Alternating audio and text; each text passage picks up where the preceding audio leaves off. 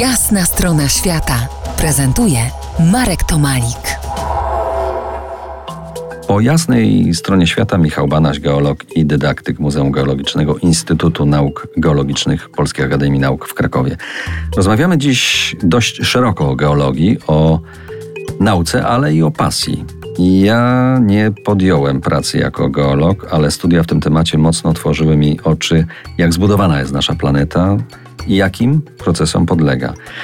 Panie dydaktyku muzealny, czym nas wizyta w Muzeum Geologicznym w Krakowie na Senackiej może zaskoczyć? Czy możemy się w tym muzeum zarazić geologią?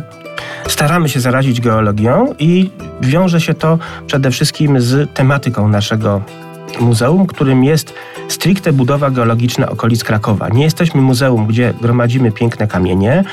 Jesteśmy muzeum dydaktycznym, który wprowadza nas w budowę geologiczną samego Krakowa i okolic ale ze względu na to, żeby to nie było takie muzeum statyczne, takie, takie nieme, ponieważ ja jestem również, mam część etatu technicznego jako ekspert w laboratorium izotopowym, wprowadzam tak zwane mikroświaty. Możemy za pomocą mikroskopów polaryzacyjnych oraz innych zobaczyć to, co otacza nas tej skali mikro. I to są piękne obrazy, tak jak trochę jak witraże wyglądają. Tak, właśnie wysłałem tutaj w czasie pierwszego naszego kontaktu. Yy, ostatnio siedząc na dyżurze stwierdziłem, że pobawię się Wyspiańskiego.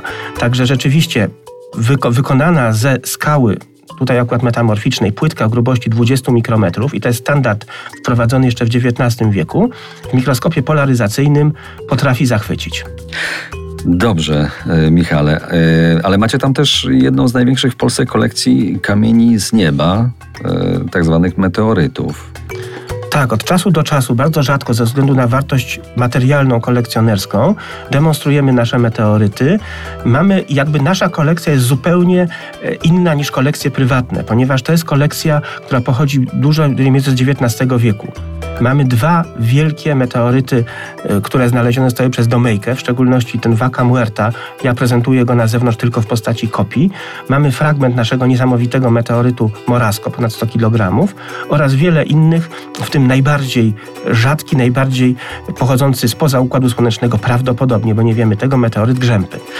Muzeum Geologiczne Instytutu Nauk Geologicznych Polskiej Akademii Nauk w Krakowie e, znajdziemy w sercu Starego Krakowa przy ulicy Senackiej jeden. Jak tutaj siedzimy, oczywiście gorąco y, polecamy. Przypomnę, rozmawiał geolog niepraktykujący z geologiem praktykującym Michałem Banasiem, dydaktykiem Muzeum Geologicznego Instytutu Nauk Geologicznych PAN w Krakowie. Dziękuję.